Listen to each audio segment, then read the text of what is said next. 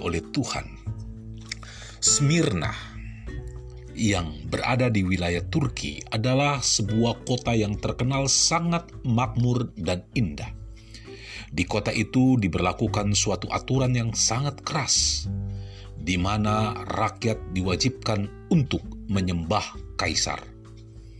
Hal ini untuk membuktikan kesetiaan loyalitas rakyat kepada pemerintahan Romawi.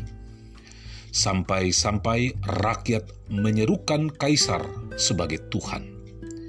Ini menjadi suatu tantangan besar bagi para pengikut Kristus di kota Smyrna. Ibu bapak, saudara-saudaraku yang dikasih oleh Tuhan. Sekalipun berada dalam tekanan, jemaat di Smyrna tetap teguh mempertahankan imannya kepada Tuhan dan tak mau ber berkompromi dengan dosa. Mereka menolak untuk menyembah kaisar. Akhirnya mereka pun dianggap telah melanggar hukum, pembangkang, sehingga tidak sedikit dari mereka mengalami penganiayaan. Jemaat Smyrna rela mempertaruhkan nyawanya demi kebenaran dan berpendirian teguh untuk tidak menyembah kepada berhala atau kaisar.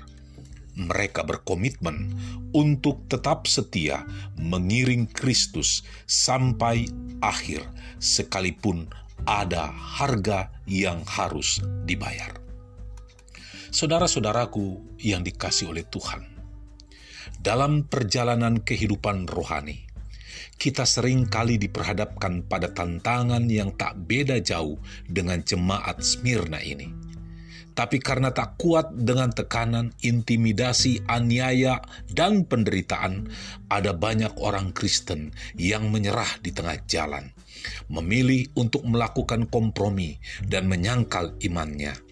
Padahal Tuhan telah menyediakan upaya yang besar bagi setiap orang yang percaya, yang setia sampai akhir yaitu mahkota kehidupan.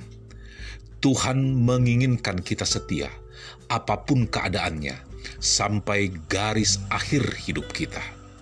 Kita mau belajar meneladani Rasul Paulus yang berkomitmen, karena bagiku hidup adalah Kristus dan mati adalah keuntungan. Filipi 1 ayat yang ke-21.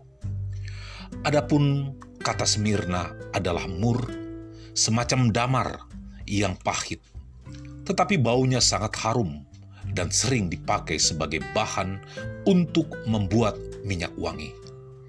Inilah gambaran kehidupan orang percaya yang mampu bertahan sampai akhir, yang sekalipun harus diperhadapkan dengan hal-hal yang pahit, yaitu penderitaan, tapi hidup mereka berbau harum di hadapan Tuhan, hidup yang mempermuliakan nama Tuhan. Ibu bapak saudara-saudaraku, malam hari ini kita diingatkan, saya, bapak ibu, saudara-saudaraku yang mendengar renungan malam hari ini. Setia sampai akhir di dalam Yesus Kristus. Selamat malam. Tuhan Yesus memberkati. Shalom.